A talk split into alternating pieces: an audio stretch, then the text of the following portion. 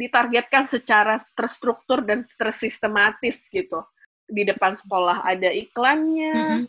promosinya ada, harganya murah, bisa dijual di mana saja, di sekitar dia ada role model yang rokok, ya gimana dia nggak jadi perokok juga gitu.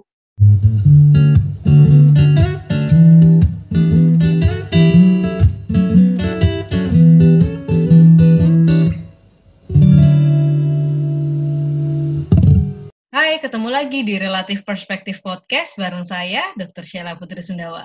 Dan untuk episode kali ini, saya nggak sendirian tentunya. Saya mau ngobrol-ngobrol nih sama teman saya. Kebetulan kan hari ini itu tanggal 31 Mei. Nah, 31 Mei ini adalah hari yang sangat spesial di seluruh dunia, karena ini adalah hari peringatan yang cukup besar nih, yaitu World No Tobacco Day. Tentunya apa itu tobacco dan apa itu rokok itu semua orang pasti udah tahu lah ya. Nah jadi makanya kita mau ngobrol-ngobrol nih. Kenapa produk yang udah pasti gak bagus buat kesehatan sampai sekarang masih banyak banget orang yang nggak bisa lepas dari produk ini bahkan jumlah orang-orang yang mulai rokok itu masih terus bertambah terutama anak-anak muda. Makanya hari ini saya mau tanya-tanya ke teman saya dari Yayasan Lentera Anak Nahla Jovial Nisa. Halo Mbak Nahla, apa kabar? Halo Mbak Sela, Alhamdulillah kabar baik. Bener nggak sih hari ini tuh ini World No Tobacco Day? Iya bener, bener banget. Jadi kalau di Indonesia sih biasanya kita lebih kenal Hari Tanpa Tembakau Sedunia ya. Gitu, setiap tanggal 31 Mei. Ah, oke. Okay. Sebenarnya aku uh, penasaran sih, cuman aku nggak pernah baca kenapa sih dipilih tanggal 31 Mei gitu. Ada nggak sih sebenarnya alasannya? Waktu itu jadi kayak uh, waktu sebelumnya dunia tuh belum menyadari gitu kalau uh, tembakau tuh menjadi satu masalah gitu. Bahkan uh, dulu itu di apa ya diiklankan oleh dokter oleh orang orang-orang yang terkenal sehingga dianggap itu tidak berbahaya. Nah setelah ada penelitian segala macam akhirnya uh, terbuktilah bahwa tembakau itu berpengaruh uh, terhadap orang-orang terutama soal adiksi dan bisa menyakit, menyebabkan banyak penyakit. Nah, akhirnya ada kesepakatan dunia tuh yang uh, apa ya kayak kesepakatan nih kalau kita mm -hmm. seluruh dunia nih mengendalikan nih uh, konsumsinya tembakau. Nah, waktu itu adalah di inisiasi FCTC. Nah, tanggal 31 itu akhirnya disepakati menjadi hari tanpa tembakau sedunia untuk uh, memperingati kepada banyak orang bahwa uh, tembakau itu produk yang berbahaya dan harus dikendalikan seperti itu. Oke, gitu ya ceritanya. Sebenarnya sih kita semua udah tahu sih pastinya. Mau yang dengerin, mau uh, kita berdua di sini, semua orang aku rasa udah tahu produk tembakau, rokok itu merupakan sesuatu yang berbahaya untuk kesehatan. Itu semua udah udah setuju lah ya Nala ya. Iya benar. Cuman pertanyaannya nih, aku suka masih bingung. Kita udah sama-sama tahu bahwa ini produk yang berbahaya. Cuman kenapa sih orang Indonesia khususnya masih merupakan salah satu konsumen dari rokok yang terbesar di seluruh dunia? Menurut gue ini fenomena yang sangat aneh sebenarnya. Ketika kita tahu ada suatu hal yang tidak baik, biasanya itu kan akan diikuti dengan reaksi dari sikap dan kemudian di perilaku kita. Nah ini ternyata nggak kayak gitu. Secara pengetahuan kita tahu bahwa ini sesuatu yang tidak baik untuk kesehatan, tapi sikap kita nggak menunjukkan bahwa kita tahu bahwa hal ini berbahaya karena sikap kita banyak yang masih merokok perilaku kita membiarkan orang-orang yang merokok itu menjadi hal yang biasa aja dan kita pun banyak di antara kita yang menganggap oh ya udah ngerokok itu uh, hal yang biasa dan banyak orang yang ngerjain padahal semuanya tahu. Jadi ini ada diskongruensi ada ketidakcocokan antara apa yang kita tahu dengan apa yang kita lakukan dan kita kerjakan setiap hari. Ini, ini nah. yang selalu jadi pertanyaan sebenarnya buat aku.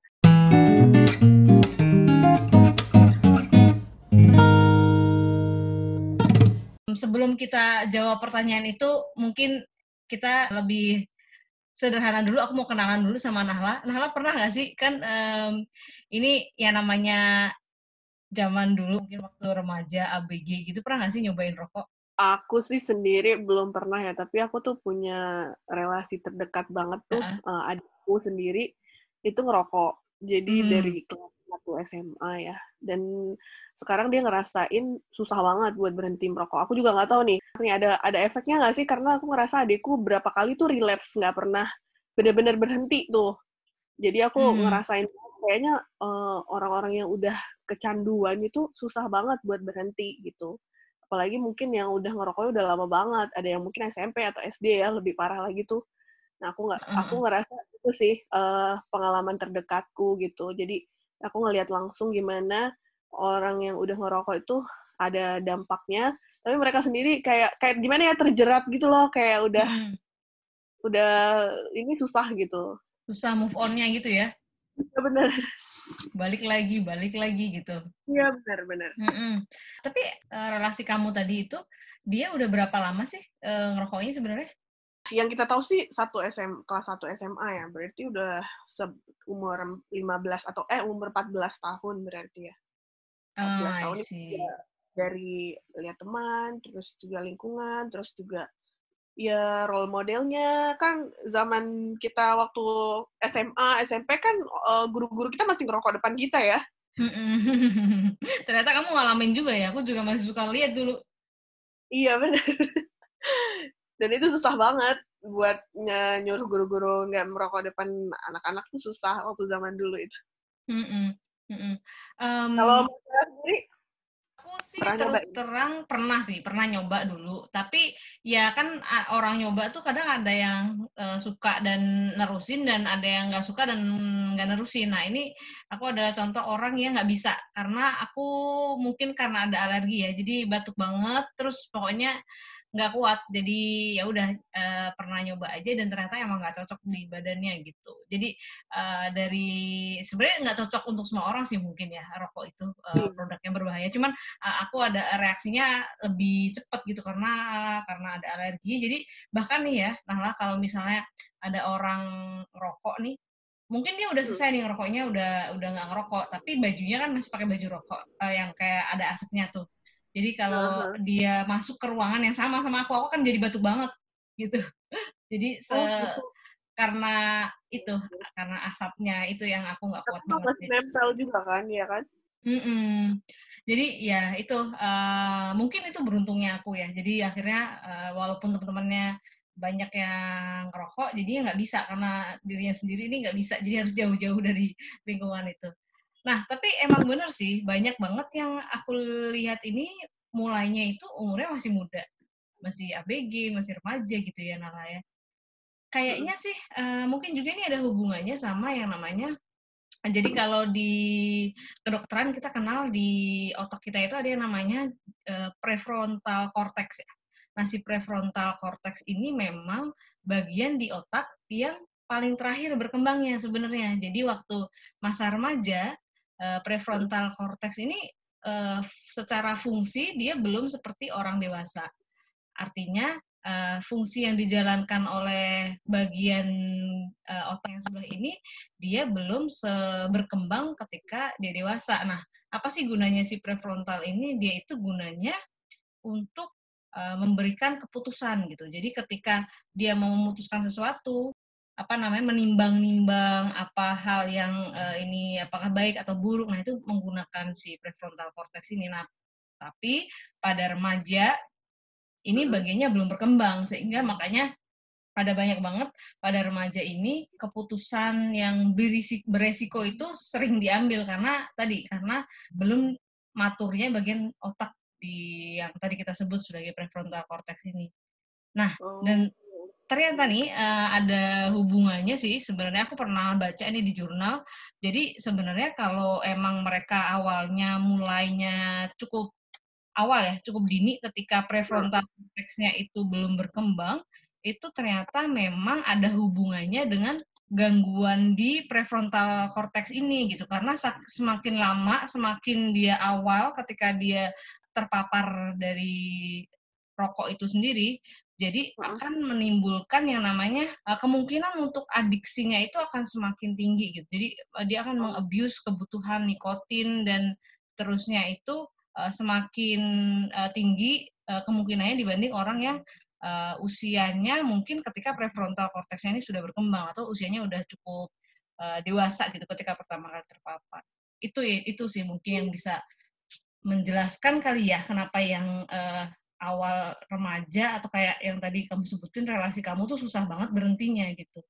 Iya benar-benar. Jadi aku ngerasa tuh orang-orang yang di sekitarku yang udah ngerokok dan susah berhenti karena memang mungkin mereka ya terjebak ya maksudnya udah udah adiksi itu susah banget buat berhentinya. Memang apalagi kan kalau kita lihat di Indonesia nih layanan buat berhenti merokoknya kan belum sebagus di luar ya. Jadi kayak mm -hmm. ma uh, masih uh, upayanya tuh upaya sendiri gitu loh. Belum belum ada treatment khusus. Mungkin ada tapi nggak nggak banyak yang bisa akses itu gitu kali ya.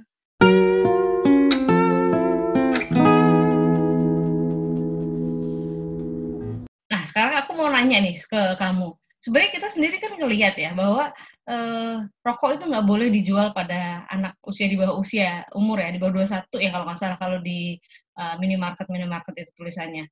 Cuman yang jadi pertanyaan aku kenapa sih angka rokok anak di Indonesia tuh masih tinggi, Nala? Nah, uh, jadi Lentera ini uh, udah lumayan lama juga fokus tentang perokok anak karena kita tahu uh, ini tuh salah satu faktor risiko ya untuk apa anak-anak ya tadi yang kayak Mas Ella bilang, jadi kalau dibilang misalnya prefrontalnya korteksnya menurun, berarti bisa jadi ke depannya SDM-nya jadi nggak bagus juga ke depannya. Makanya kita fokus dan dari hasil uh, apa namanya uh, kajian kita, survei yang kita lakuin, memang uh, banyak hal yang mempengaruhi anak merokok. Pertama itu uh, adalah uh, paparan iklan, promosi dan sponsor. Jadi uh, kita tuh pernah uh, kajian ke lima kota dan 85% itu sekolah itu dikelilingi sama iklan rokok. Lalu hmm. kita uh, kita ajak nih, biasanya kita uh, ngajakin anak-anak uh, itu uh, melibatkan mereka, jadi mereka terlibat aktif, mereka jalan gitu dari rumah mereka sampai ke sekolah, hampir semuanya mereka tuh menemukan iklan rokok, baik itu di jalan besar, sepanjang mereka perjalanan itu mereka menemukan iklan rokok dan itu uh, dilihat mereka terus menerus. Oke, jadi maksudnya ini walaupun tidak di sekolah secara langsung, tapi di iya. setiap ya. tempat ketika mereka mau menuju sekolah itu banyak iklan rokok di situ ya, gitu ya maksudnya ya? Ya, nah iklan rokok sekarang kan kalau kita lihat ya keren-keren banget ya, Mbak. Nggak ada mm -hmm. tuh iklan rokok yang jelek tuh pasti keren banget gitu ya. Uh, dan uh, waktu kita studi di Mataram itu kita nanyain sama anak-anak kenapa uh, uh, rokok ya? Salah satunya karena iklan rokok dan mereka anggap uh, iklan itu keren.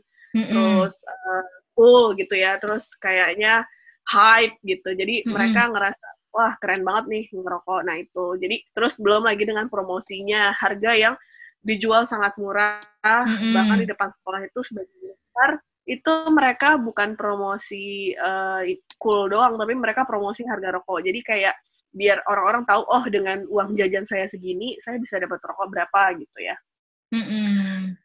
Terus mm. promotor juga ya kalau misalnya kita mau masuk uh, apa mau nonton uh, artis-artis kesayangan kita tuh biasanya nanti ada diskon atau dikasih bungkus rokok lah. Nah itu juga ada kayak gitu. Padahal itu sebenarnya dilarang. Jadi kayak pengawasannya kurang ya dari yang udah ada aturannya.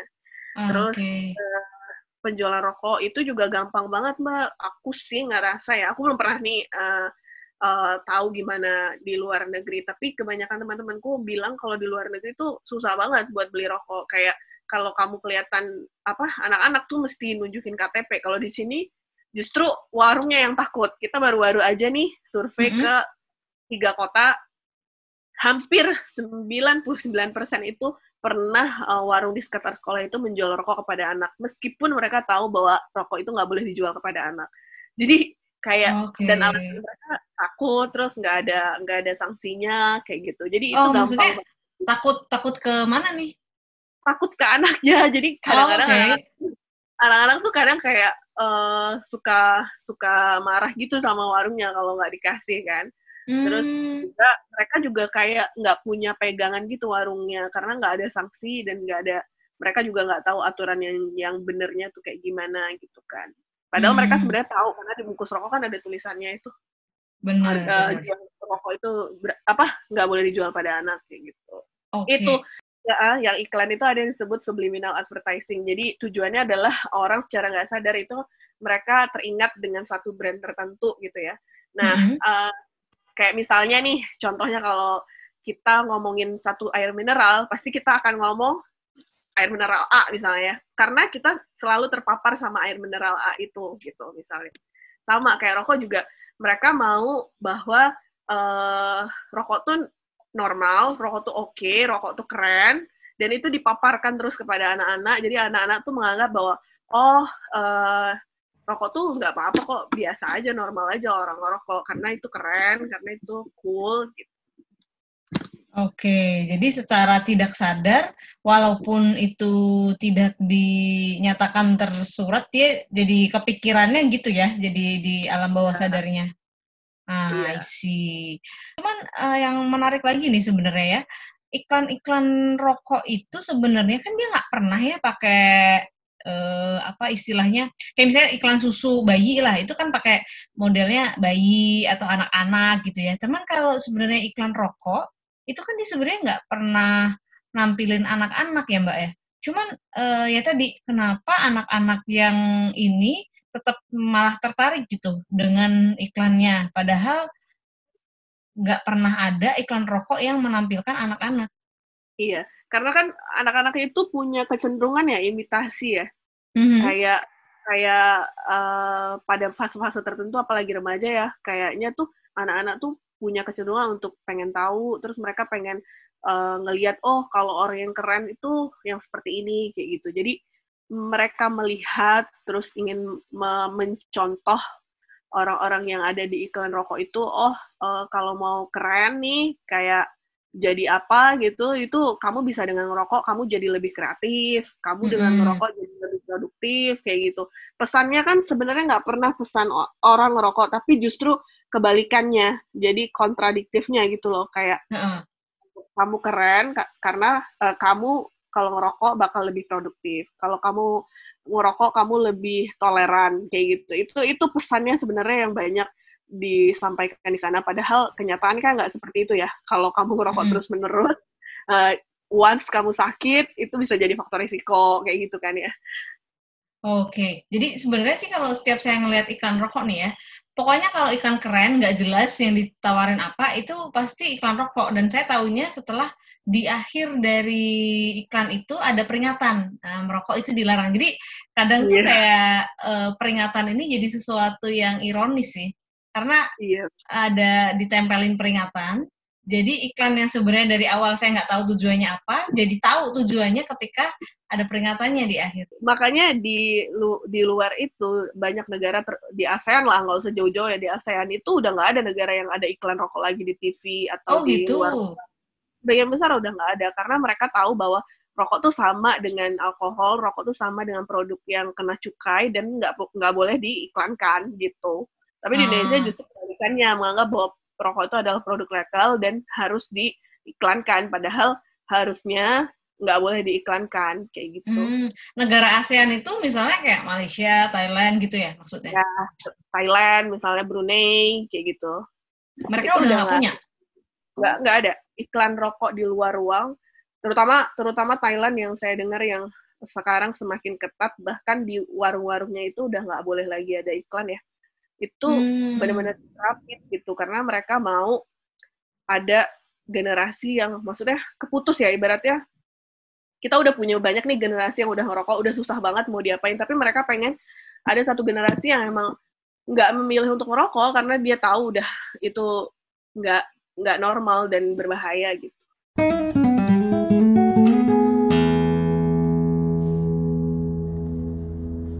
Cuman kalau yang di iklan di TV nih misalnya di uh, di negara lain kan dilarang. Di kita kan emang ditayangkannya kalau malam doang. Nah, yang menarik nih, setiap saya ke bioskop nih, zaman dulu belum pandemi-pandemi gini, itu selalu ada iklan rokok loh. Padahal di yang nonton bioskop itu kan bisa aja ya, anak-anak yang di bawah umur gitu. Sebenarnya kalau di bioskop sendiri, boleh nggak sih iklan rokok gitu?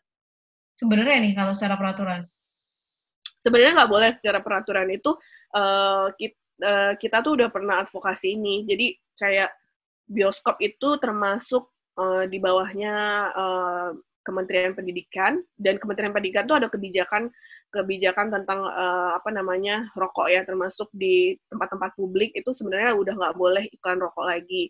Kayak uh, bioskop itu nggak salah satu bagian dari uh, apa di bawahnya Kemendikbud lah gitu.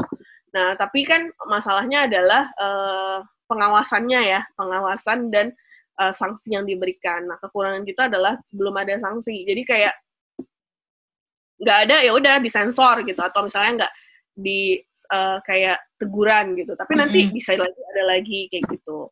Oh, ya itu okay. karena kesadaran bersamanya itu masih kurang kesadaran dari dunia industrinya juga kayak gitu. Terus dari apa uh, pihak bioskopnya juga belum. Terus pengawasannya belum ketat banget gitu.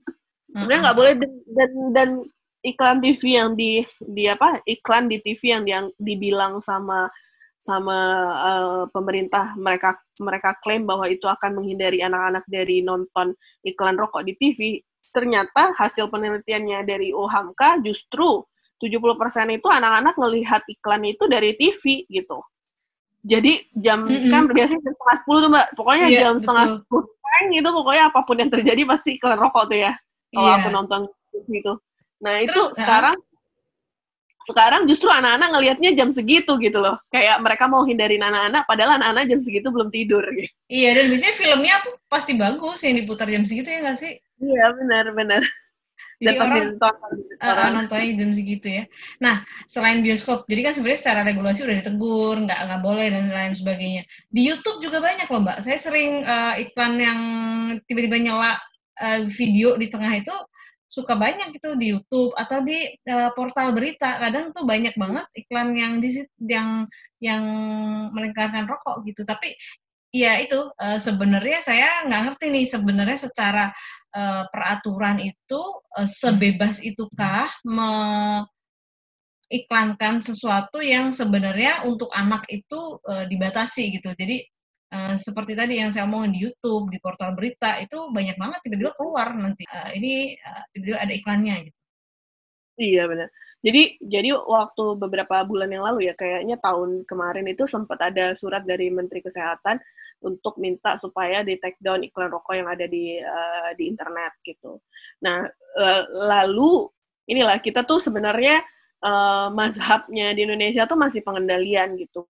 Padahal sebenarnya pengendaliannya tuh tidak dibuat tidak dibuat ketat dengan aturan yang ada dan uh, beberapa aturan itu uh, tidak diterapkan misalnya kayak uh, iklan di internet itu ya penyedia mm -hmm. di apa ya, pokoknya kita portal berita itu sebenarnya seharusnya uh, iklannya tuh ditutupin dulu mbak jadi kayak misalnya kalau apakah anda berusia 18 tahun kalau misal mm -hmm. di atas 18 tahun kalau iya baru iklannya muncul harusnya seperti itu tapi itu tidak mau diterapkan dan kita udah berkali-kali uh, apa advokasi tapi belum ada hasil yang di apa ditunjukkan terutama Kominfo. Kominfo merasa bahwa itu bukan wewenangnya. Lalu hmm. Kementerian merasa bahwa uh, harusnya Kominfo dia gitulah kayak oh, masih ada okay. belum firm gitu loh kalau kita mau melarang. Jadi sebenarnya kita tuh kayak ngusulin ya udahlah iklan rokok tuh dilarang aja kalau mau dibikin aturan, maksudnya iklan rokok diboleh diboleh dengan aturan yang ketat itu akan sulit gitu loh buat ngawasinnya. Yeah. Karena sama kayak ini ya, sama kayak mudik kemarin kan, yang boleh iya. mudik cuman yang punya uh, surat tugas. Jadi akhirnya semua orang mudik punya surat tugas gitu ya kan? Iya, surat tugasnya tinggal beli gitu. Iya. Iya, iya, iya. Jadi udah mungkin kita larang aja. Toh juga mereka tetap bisa bisa jualan dan jumlah uh, perokok di Indonesia itu nomor tiga di dunia dengan prevalensinya hampir 40% laki-laki itu merokok di Indonesia dan 30% populasinya itu semuanya penyumbang nomor tiga di dunia. Jadi emang konsumennya banyak banget gitu loh. Jadi ya udahlah kita nggak usah punya iklan aja gitu. Tapi uh, masih terus berjuang. Makanya kita berharap banget nih banyak juga masyarakat yang ngelihat bahwa iklan rokok itu bukan sesuatu yang normal. Harusnya kita nggak mengiklankan produk yang berbahaya. Hmm, ya, ya. Sebenarnya kalau dari yang saya pahami sekarang ya, orang itu banyak banget yang mulai rokok itu waktu ABG, waktu remaja gitu. Jadi eh, saya lihat kayaknya orang dewasa yang memulai merokok itu nggak terlalu banyak nih. Ini cuman eh, yang saya observasi aja sih. Kalau cara data se sendiri sebenarnya benar nggak sih yang saya lihat ini bahwa orang itu kebanyakan mulai waktu mereka masih sekolah, masih remaja gitu, uh, dan akhirnya menetap gitu sampai dia gede. Atau uh, memang ada juga yang mulai dari uh, usianya yang udah lebih dari 20 tahun gitu. Sebenarnya kalau secara data sendiri yang benar nggak sih uh, yang saya omongin tadi, Nala? Jadi kayak kayak benar banget. Jadi anak-anak di Indonesia tuh lebih banyak merokok menjadi perokok pemula paling muda itu kita pernah ngelihat datanya tuh 10 tahun bahkan kalau kita lihat di video-video yang banyak diunggah-unggah itu ada yang dua tahun udah ngerokok ya eh, hmm. uh, baik itu rokok konvensional atau nge-vape gitu ya itu menyedihkan karena sekarang itu datanya sendiri itu 9,1 persen kalau kita total dengan jumlah anak yang ada di Indonesia itu sekitar 7,8 juta itu kalau mau dibayangin berapa banyaknya nih kita coba bayangin tuh kayak kita nonton 100 kali pertandingan di GBK. Jadi semuanya isinya anak-anak lagi ngerokok gitu loh. Itu oh, sebanyak okay. itu anak-anak ngerokok Indonesia dan uh, apa trennya itu gitu. Jadi kayak misalnya perokok dewasanya itu turun, tapi perokok anaknya tuh naik dan biasanya tuh menggantikan perokok dewasanya.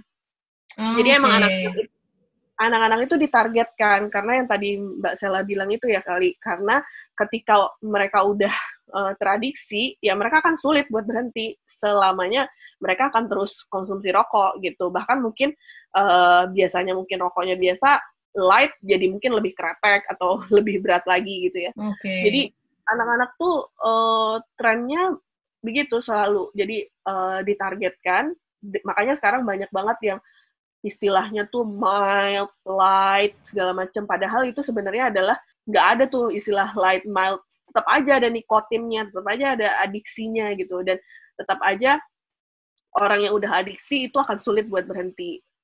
Itu. Jadi ya itulah yang kita sayangkan uh, regulasinya belum kuat, terus anak-anaknya makin banyak ngerokok. Belum lagi role modelnya, omnya, kakeknya. Mm -hmm. dan klaim-klaimnya bahwa kayak apa ya kalau Indonesia tuh kayak uh, ya udah ngerokok dulu biar keren atau apa itu ditargetkan secara terstruktur dan tersistematis gitu di depan sekolah ada iklannya mm -hmm.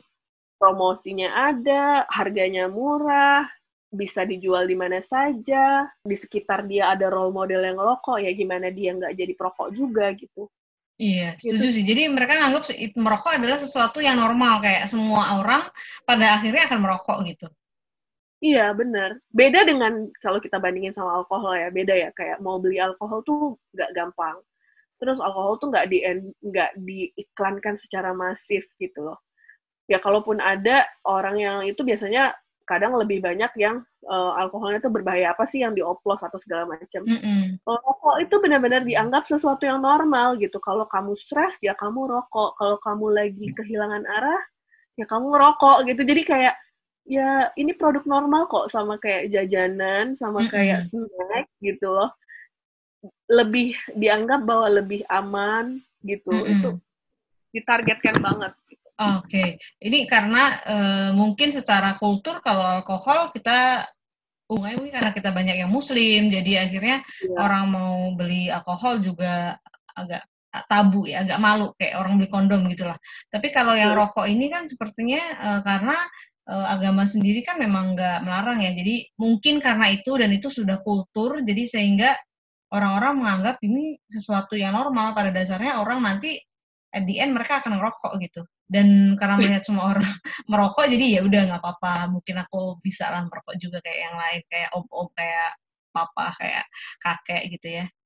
Itu aku iya. sedih sih sebenarnya Nala sedihnya tuh gini um, karena anak-anak itu kasihan gitu misalnya orang dewasa mereka mulai merokok, aku tuh nggak keberatan, nggak apa-apa karena orang dewasa ini adalah orang yang menurutku mereka sudah tahu risikonya dan mereka memilih ini berdasarkan pertimbangan yang mm, mereka sudah paham gitu. Beda sama anak, karena anak ini tadi yang aku bilang bahwa anak itu uh, pada fase uh, remaja di mana mereka sebenarnya kemampuan untuk memutuskannya itu sebenarnya masih belum baik ya. Makanya kita tahu banyak anak-anak uh, remaja yang uh, berperilaku uh, risiko tinggi, misalnya uh, berhubungan seksual yang bebas, kemudian uh, penggunaan abuse tidak hanya rokok tentunya dan narkoba dan seterusnya.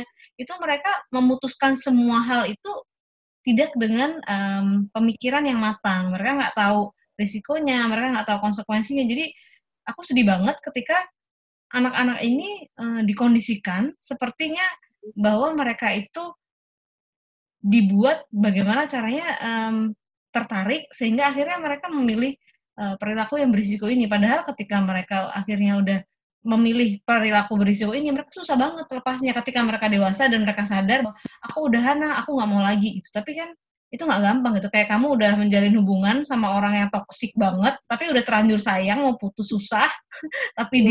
dipukulin di uh, eh, KDRT, tapi susah. Cuman ya itu uh, susah move on ya gitu itu yang bikin aku kasihan sebenarnya kalau di anak-anak itu Jangan lupa, kalau kalian suka dengan episode podcast ini, follow podcast kita dan share ke teman-teman kalian yang lain supaya mereka juga bisa mendapatkan manfaat seperti yang kalian juga dapatkan. Jangan lupa juga untuk follow Twitter saya at Oxfara. Di situ kalian bisa mendapatkan banyak info kesehatan dan juga update setiap episode barunya Relatif Perspektif Podcast.